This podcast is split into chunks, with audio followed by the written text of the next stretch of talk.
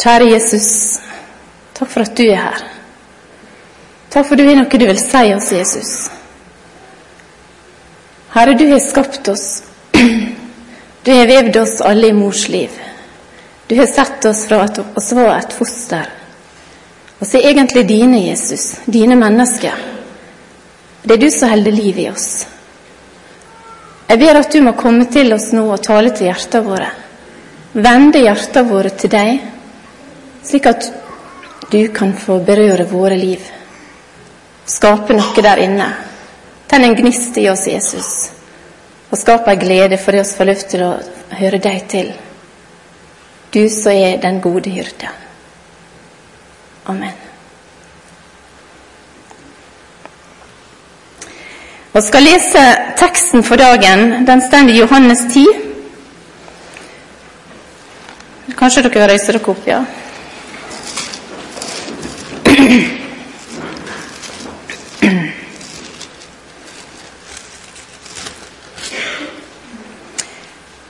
Jeg er den gode hyrde. Den gode hyrde setter sitt liv til for fårene. Men den som er leiekar og ikke hyrde, den som ikke eier fårene, forlater fårene og flykter når han ser ulven komme. Og ulven røver dem og jager dem fra hverandre. For han er leiekar og har ingen omsorg for fårene. Jeg er den gode hyrde. Jeg kjenner mine, og mine kjenner meg.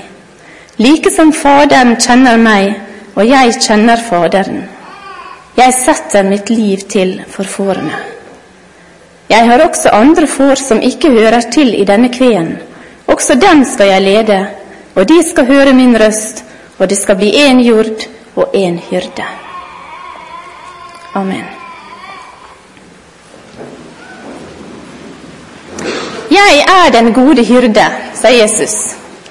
Og Jeg vet ikke hva slags bilde du ser for deg når du hører det uttrykket. Kanskje du ser et sånt gammelt søndagsskolebilde med en uh, hyrde med stav og et sau som ligger på skuldra, og hyrden som ber. Jeg har lyst til å innlede denne talen med, med noe fra Det gamle testamentet som jeg er så glad i. Den situasjonen der Moses møter Gud. Jesus bruker flere uttrykk om seg sjøl i Bibelen. Han sier 'Jeg er veien', 'Jeg er sannheten', 'Jeg er livet', 'Jeg er den gode hyrde', 'Jeg er livets brød', og mange andre uttrykk. 'Jeg er', sier Jesus. Når jeg sier til dere at jeg er, så kunne jeg sagt mange forskjellige ting Så jeg er. Jeg er kone, og jeg er mor, og jeg er lærer, og jeg er sunnmøring og godøying. Eh, men i alle disse tingene som jeg sier til deg at jeg er, så er jeg kanskje en ulike personer. Ulike roller.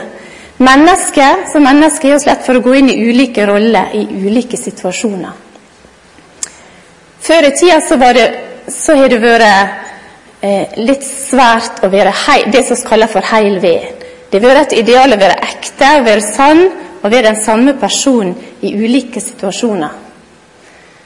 Dagens ungdom, sies det, de er ikke så opptatt av å være heil ved. De er ikke så opptatt av å være én person, men de er opptatt av å ha en rolle som passer til de ulike situasjonene de er i. Kanskje blir det mer og mer sånn for oss at oss tilpasser oss. Jeg er når jeg er med vennene mine, jeg er når jeg er på skolen, jeg er når jeg er på jobb, jeg er når jeg står i butikken. Det jeg vil ha fram med dette, det er at når Jesus sier 'jeg er', så betyr det noe helt annet enn når jeg, Anne, sier at jeg er. I 2. Mosebok 3, vers 14, møter Moses Gud. Han ser en brennende tornebusk der i ørkenen, og han forstår ikke helt hva som skjer, for buska brenner ikke opp. Og så taler Gud til Moses ut ifra den tornebuska og sier at Moses, du skal være den som leder israelsfolket ut fra Egypt. Det første spørsmålet Moses får, det er ja, men hvem er jeg? Er jo så liten. Og det neste spørsmålet han stiller, det er ja, men hvem er du? Hvem skal jeg si har sendt meg til, til å lede Israels folk ut fra Egypt? Så svarer Gud slik i vers 14 i 2. Mosebok 3. Da sa Gud til Moses, Jeg er den jeg er. Og han sa, Så skal du si til Israels barn, Jeg er, har sendt meg til dere. Du, Gud er ikke sånn som meg og deg. Jeg og du, skiftende personer i ulike situasjoner. En dag høyt oppe og glad, en dag langt nede. En dag slik og en dag slik. Gud er den han er. Gud er Gud. Gud ser på deg med det samme blikket i dag som han gjorde i går. Guds øyne over deg skifter ikke. Gud er ikke sånn at den dagen du føler du klarer å leve noenlunde greit som kristen, så er han blid og klapper. Og den gangen det går i stykker for deg, så er det pekefingeren og strenge blikket. Gud er den han er. Gud ser på deg med sitt kjærlige blikk uansett. Jesus Kristus er i går og i dag den samme, ja, til evig tid. Du kan stole på at Gud er den han gir seg ut for å være. Og hvis du vil vite hvem Gud er, så må du lese denne boka. Det er den som kan gi meg og deg en anelse av hvem Gud er. Et lite glimt av hvem han vil være i våre liv. Og så kan du stole på at den dagen livet ditt er godt, er Gud den samme som han er den dagen når livet er vondt. Og Jeg syns det er sterkt å tenke at Gud talte til Moses ut fra ei tornebusk, ut fra ilden. Jeg har bare lyst til å nevne at det kanskje er det slik for oss med at når vi møter på disse tornene i livet vårt som stikker, når vi syns det brenner og svir, så kan faktisk Gud tale noe nytt til oss midt ut av tornene. Midt ut av det som svir, så kan Gud komme til oss også der. Kanskje han forteller oss noe nytt. Iallfall så vil han være der med sitt nærvær. Husk at når Gud sier at han er den han vil være, så kan du stole på at Guds ord er sant. At det Gud har sagt, det er sant. Og I denne teksten så vi da sier Jesus at han er den gode hyrde. Jeg veit ikke om du trenger en hyrde. Jeg veit ikke om du kjenner det som et lam eller et får. Og kanskje jeg kommer til å si sau noen ganger, for det er mest naturlig for meg. Det er jo ikke akkurat de flotteste dyra i verden, selv om de kan være litt søte. Men, men det er ganske fint at Jesus betegner seg sjøl som en hyrde. For når vi leser litt om lamma, så ser i hvert fall jeg at jeg er ikke så ulikt en sau likevel. Og jeg syns det er et fint lite glimt å ta med at den dagen når Jesus ble født, så var de første mennesker i verden som fikk beskjed om at Frelseren var født, det var noen hyrder ute på Betlehemsmarkene. De var de første som fikk springe til stallen og se Jesus der. Og så har Jesus eh, sammenligna seg med de som står ganske lavt av rang. På Jesu tid ble ikke hyrdene regna for å, å være gode vitner. De kunne ikke vitne i en sak, for de var ikke aktverdige som vitner.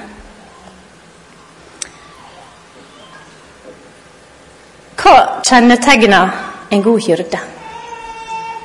Og Hvis du tenker at du er et land, så kan du tenke deg om dette er en hyrde du kunne tenkt deg å ha. Se for deg et bilde. En gjeter som har slått leir for natta. Saueflokken er på vei til, til kvea eller til innhegninga. Den er gjerne laga av murer eller av store steiner, og der er ei lita åpning. I den åpninga står hyrden med staven sin. Han bruker staven som en bom, og han slipper inn én og én sau. Og før han slipper dem inn, så ser han på dem. Er det et sår? Er det en sau som har et sår, så tar han olje og smører, smører såret.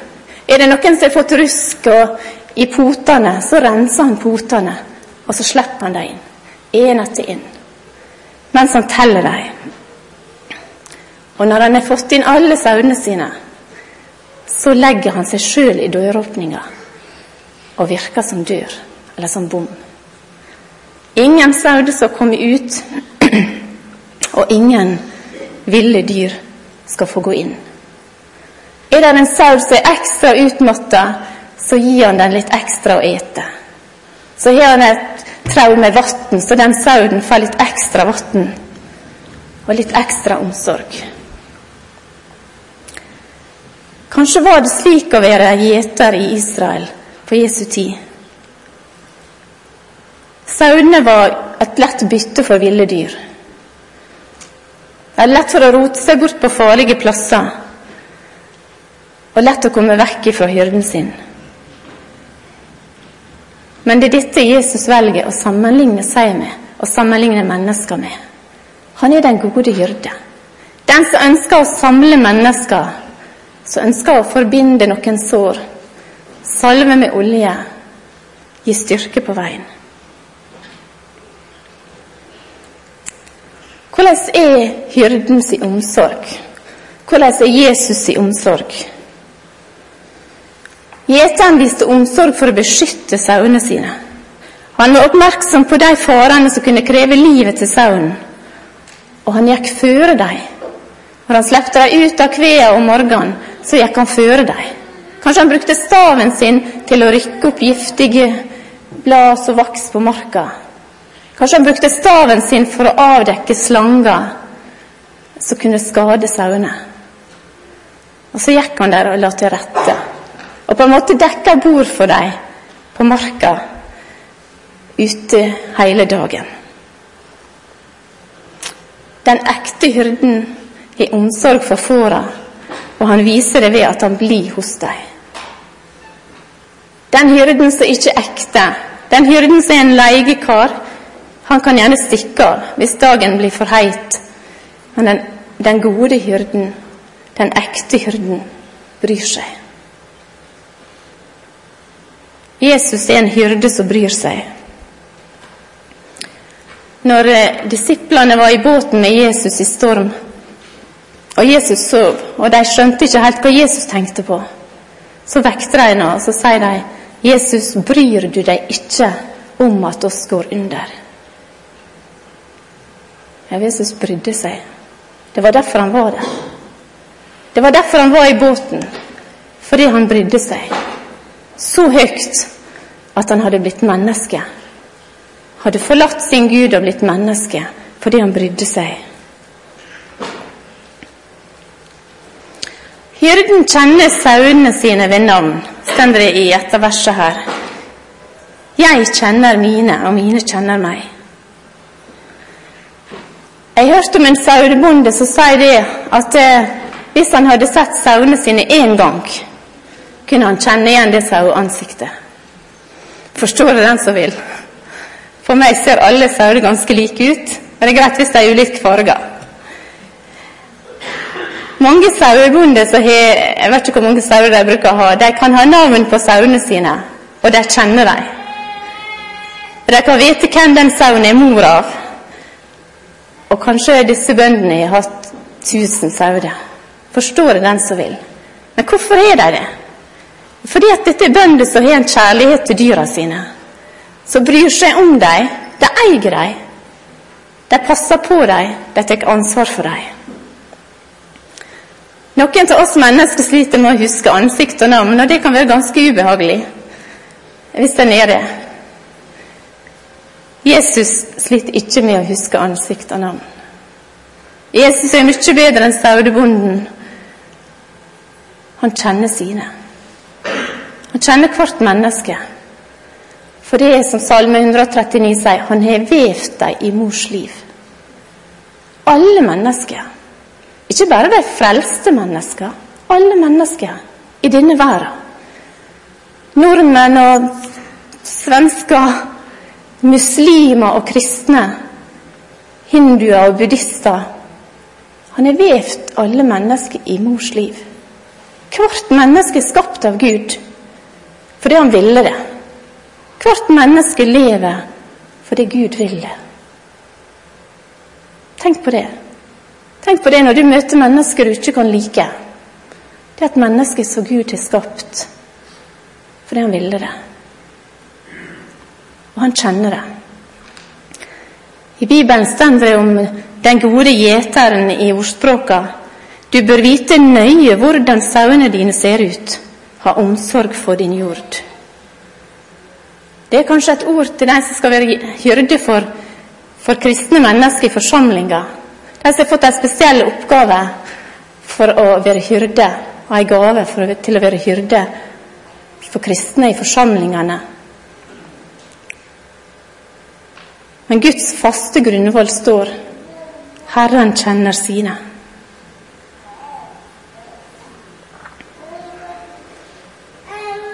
Det største med Jesus, og det gleder jeg meg til å si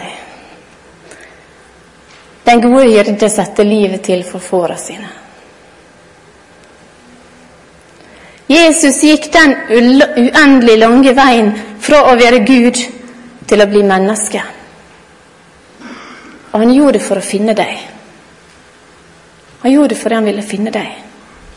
Han satte livet til for fåra. Han har vist oss hva kjærlighet er i det han ga sitt liv for mennesker, for syndige mennesker. Dette er det største ved Jesus, og det er til forskjell fra alle andre gode hyrder og gjetere.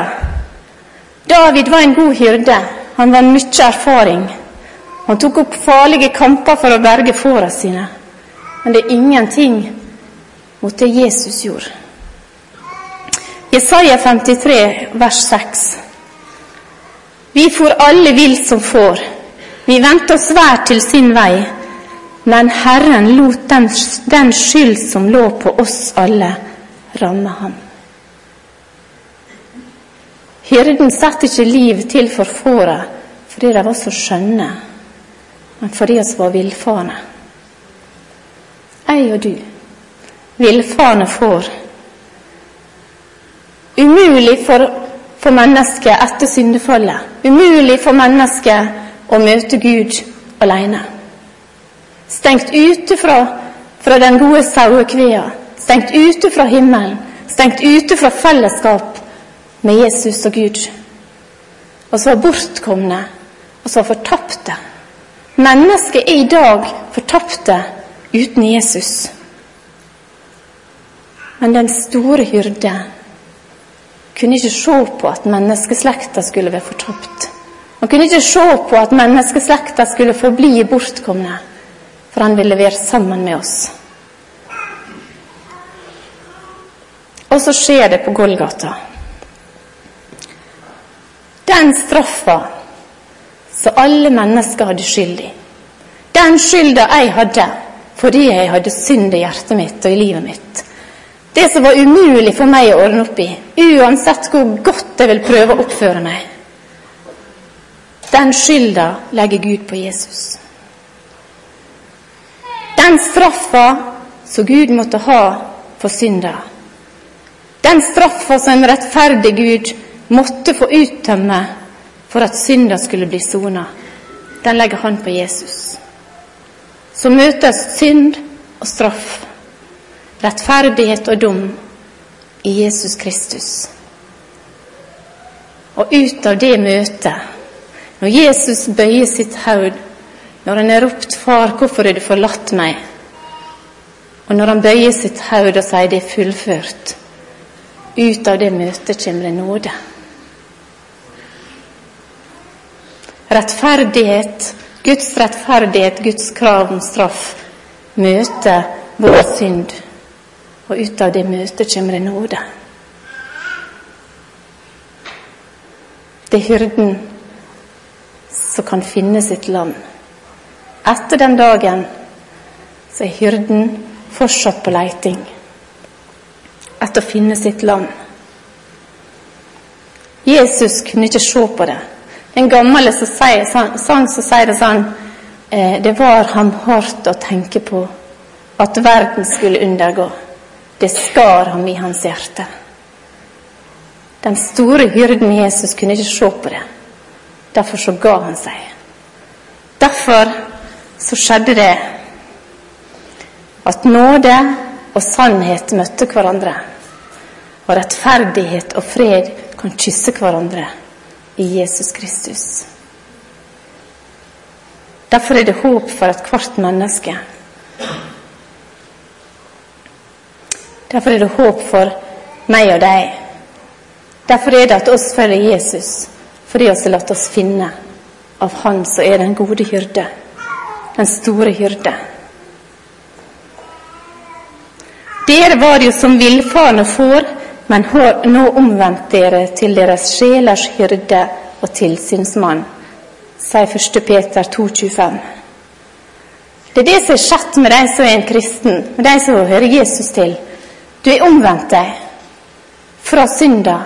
Du er tatt imot den nåden som kom, kom med Jesus på Golgata.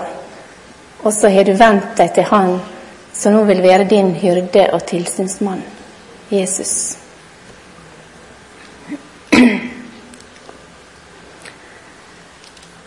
Den gode hyrde, Jesus, ynkast over folket. I Matteus 9, 36 så står det slik da Jesus så folket, fikk han inderlig medynk med dem, for de var herjet og forkomne som får uten hyrde. Det var det synet som førte Jesus til Golgata. Det var det synet han hadde sett, og han hadde sett at jeg og du var en av disse. Forkomne som får uten hyrde.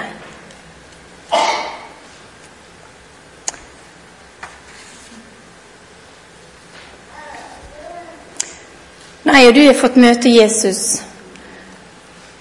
så tror jeg at noe av hyrden sitt sinn vil prege våre liv. Noen har fått en ekstra hyrdegave eller en oppgave, men jeg tror alle kristne mennesker som hører Jesus til, skal ha noe av Jesus sitt sinn. Noe av Jesus sitt hjertelag for være rundt oss. Noe av denne smerten som Jesus kjente når han så utover og så at mennesket var forkomne For de ikke kjente hyrden. Jeg kjenner jeg skulle ønske for meg sjøl og for oss som er her, at noe av det synet som Jesus hadde, kunne gripe mitt hjerte. Her i, i vinter så vet dere det var VM på ski. Og jeg er ikke den mest sportinteresserte i denne verden, men når det blir ski, så jeg, kan jeg engasjere meg ganske, ganske sterkt. Og så satt vi hjemme. Eh, det var noen ungdommer, mine egne ungdommer og noen andre og jeg, og så på når Petter Northug Kanskje det var til det siste løpet. Og det var utrolig spennende. Og jeg kjente bare å røste meg i sofaen og heia og var veldig engasjert. Og så oppdaga jeg plutselig at de andre satt og så på meg. De så ikke på TV-en. Og ei av jentene som sa 'Mamma, du er så snål'. Snål, sier jeg. Er det ikke nasjonalfølelse? Kom igjen, nå, det er Norge som vinner. Det er oss som vinner. Så syns de jeg var litt rare.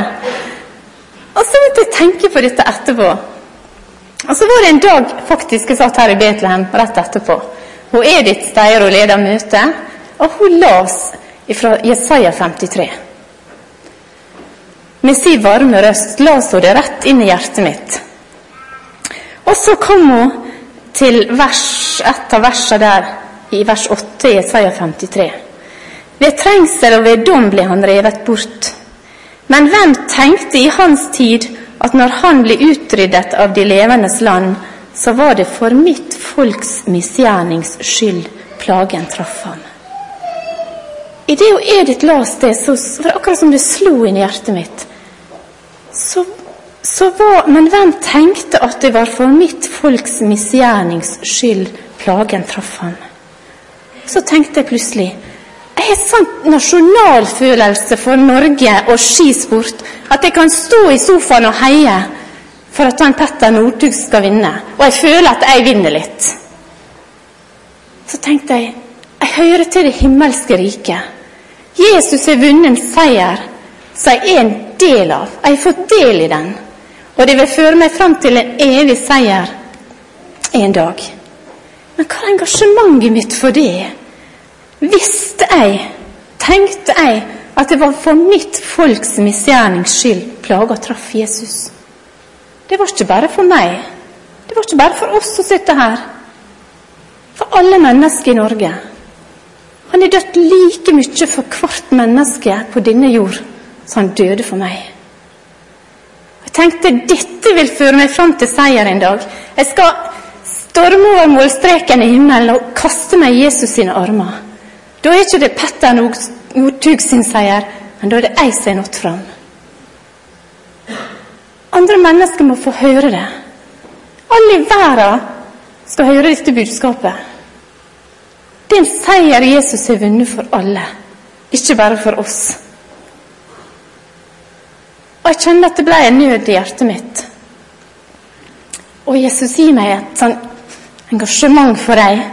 Noe av det som du ser på Brann stadion, eh, eller hva i verden det er, på Color Line stadion, eller det som skjer når noen kjenner at 'nå vinner oss'. Folkens, oss har vunnet. Jesus har vunnet for oss. Vi har fått del i den seieren. Alle må få vite det.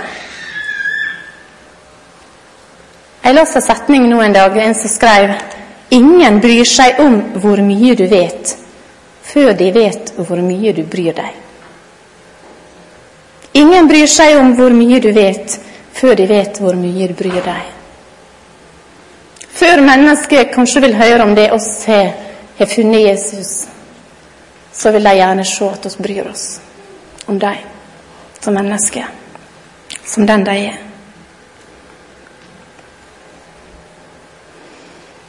Jeg kan ikke skape dette engasjementet i deg. Det er Jesus som har skape det i hjertet våre. Men jeg tror det er en vei til å finne dette. Jeg tror det er en vei Jesus kan tenne dette i oss. Jeg skulle, jeg skulle ha noe om den salme 23 her i høst.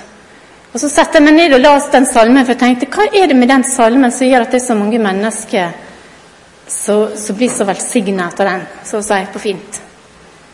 Vet du hva jeg oppdaga? Den salmen handler ikke så mye om meg som skal gjøre noe, men det handler om det Jesus vil gjøre for meg. Og et av de versene der det står han, styrker min sjel', så sto det en kommentar under i den bibelen jeg leste, 'Han vender min sjel til seg'. Jeg tror for min del at det er der jeg finner den gløden i hjertet. Når Jesus får lov til å vende min sjel til seg. Han får drage meg inn i Salme 23 og vise hva det han har gjort for meg. Hva det han har gjort i mitt liv. Og for ei framtid han har. For en hyrde han har. Da kan jeg finne hvile der.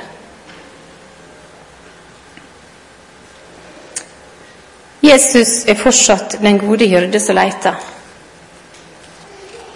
Jesus er den gode hyrde som vil vokte meg og deg.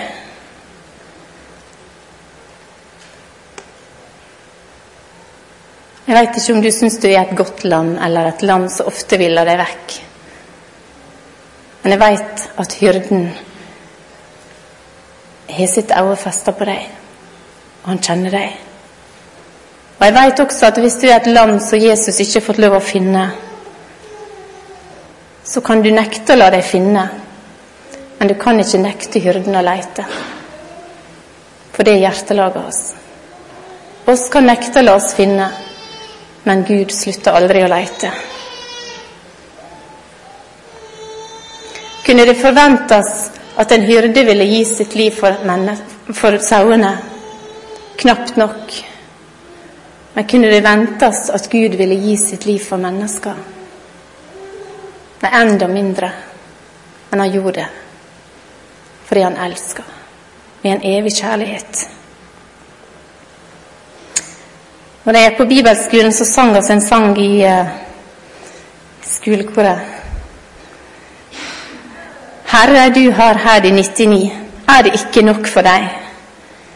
Men hyrden svarte i min, nei i min sti, ett får har forvillet seg, og ut i den ville skog han går, og søker med flid sitt tapte får.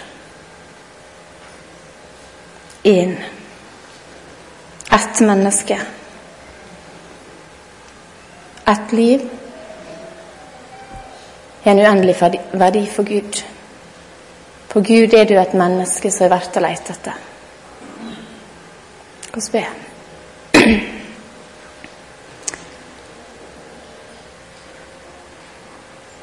Og Jesus, prisen for våre liv, det forstår oss aldri.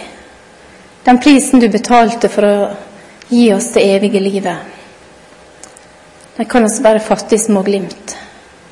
Men jeg vil takke deg, Jesus, at du som steig så djupt ned for vår skyld. Du steig så djupt ned så noen kunne komme, for at du skulle kunne løfte opp hvert eneste menneske. Og Jesus, jeg ber om at du må la det sige inn i våre hjerter. Takknemlighet. For det er hyrden som fant oss.